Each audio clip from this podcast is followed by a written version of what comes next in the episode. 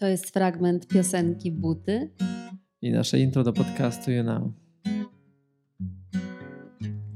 Wciąż się porównujemy, znajdując stale dowody, by nie być przypadkiem normalnym. Normalność wyszła z mody, a my tutaj i tam mamy wszystko, co trzeba, by wdzięcznym być, wznosić się do nieba. Cześć!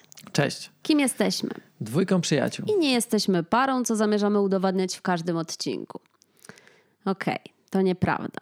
Jesteśmy parą i cholernie się kochamy, taka jest prawda, chociaż ja wciąż nie jestem pewna, czy Damian to jest miłość mojego życia. Aha, bardzo śmieszne.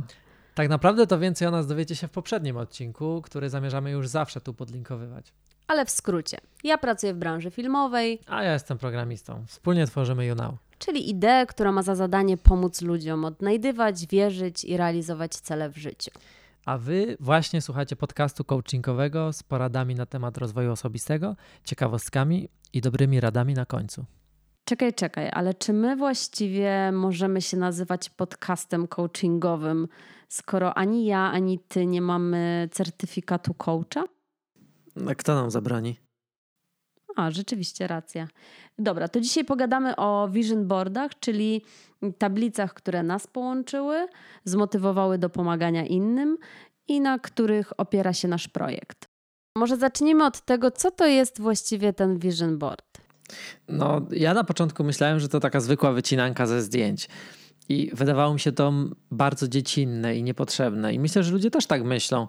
No bo wyklejanka z kolorowych zdjęć rzeczy, na które mnie nie stać i które są nierealne do spełnienia, po co to robić? I na pierwszy rzut- rzut oka wydaje się to mega zrozumiałe. Jednak w tej metodzie jest naukowe wyjaśnienie. A jak to było z vision boardami u ciebie? U mnie to wszystko zaczęło się jakieś 10 lat temu, kiedy przeprowadziłam się do Warszawy i absolutnie wszystko w moim życiu szło nie tak. Wszystko było do bani. E, Wtedy wpadła mi w dłonie książka Sekret, gdzie w jednym z fragmentów Johna Saraf opowiada o tablicy marzeń i pokazuje wtedy obrazek domu e, ze swoich marzeń, taki wiesz, wypasiony z basenem, piękny, mm, jako przykład ponieważ kilka e, lat później okazuje się, że on mieszka dokładnie w tym domu. I zrobiło to na mnie tak ogromne wrażenie. Właśnie przyleciały tu gołębie, bo mieszkamy na poddaszu i one mają swoją godzinę, żeby tu e, Zawsze robić samej- sobie tak posiedzenia, Zawsze nie? o tej samej porze. Zawsze o tej samej porze, ale nieważne. W każdym razie chodzi o to, że zrobiło to na mnie naprawdę duże wrażenie wtedy, choć do swojego pierwszego vision boarda nadal podeszłam dość sceptycznie mm, i byłam niesamowicie zaskoczona, kiedy po roku ciągłego spoglądania, myślenia, patrzenia na tą tablicę, większość rzeczy po prostu się spełniła, jak za dotknięciem czarodziejskiej różdżki. To musiało być niesamowite uczucie. Naprawdę, to był. To, to, to jest szok. No dobra, to czym właściwie jest ten vision board? No, Vision Board to jest taka kreatywna tablica, na której umieszczamy swoją idealną wizję życia, siebie i swojej przyszłości. To taka mm, jakby wizualna reprezentacja tego, y, kim chcę być, wszystkiego, co chcę osiągnąć, mieć i robić w życiu. Ja jeszcze dodam, że Vision Board jest podzielony na dziewięć kategorii, takich jak pasja, pieniądze, przyjaciele, podróże, miłość, rodzina, wiedza, praca i ja. I na każdej z tych kategorii wykleja się marzenia i cele w formie obrazów. To właśnie Vision Board nadaje kierunek tym celom i postanowieniom i on przypomina o priorytetach i o tym, na czym trzeba się skupić. to taki jakby komunikat skierowany do samego siebie i własnej podświadomości, podany w najbardziej przejrzystej formie, jakiej się da, czyli obrazów, zdjęć, y, króciutkich haseł, a przede wszystkim emocji, które temu towarzyszą. No dobra, ale jak to się właściwie dzieje? Ale pytasz o to, w jaki sposób Vision Board działa? Dokładnie. No, Vision Board jest y, ściśle powiązany z wizualizacją. A co to ta wizualizacja? Dobra, to może w ten sposób. E, zamknij oczy i spróbuj wyobrazić sobie teksturę koszuli flanelowej. albo smak pomidorówki z ryżem, którą robi mama. Mm. Albo wiem, y, zapach chleba, który dopiero wyszedł z pieca. Masz? O, aż mi ślinka cieknie. Właśnie. I każdy z nas jest w stanie przywołać takie wrażenia zmysłowe związane z podobnymi doświadczeniami.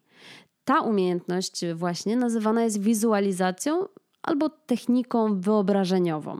Według twórcy jednej z najpopularniejszych książek na temat wizualizacji, o tym samym tytule, wizualizacja jest procesem aktywizowania doświadczeń zmysłowych i emocjonalnych, by wykorzystać swoje zasoby psychiczne w trakcie realizacji i osiągania celów. Brzmi skomplikowanie, ale to nic innego jak zwykły trening, taki na jak na siłowni. Dlatego właśnie wiele sportowców wykorzystuje tą technikę. I potwierdza to wiele badań, że właśnie trening umysłu zwiększa motywację, pewność siebie, wiarę we własne umiejętności i ukierunkowuje umysł na osiąganie celów. Czyli tworzenie vision boardów y, pobudza nasz umysł oraz wyobraźnię i nastawia na realizację celów. Dokładnie.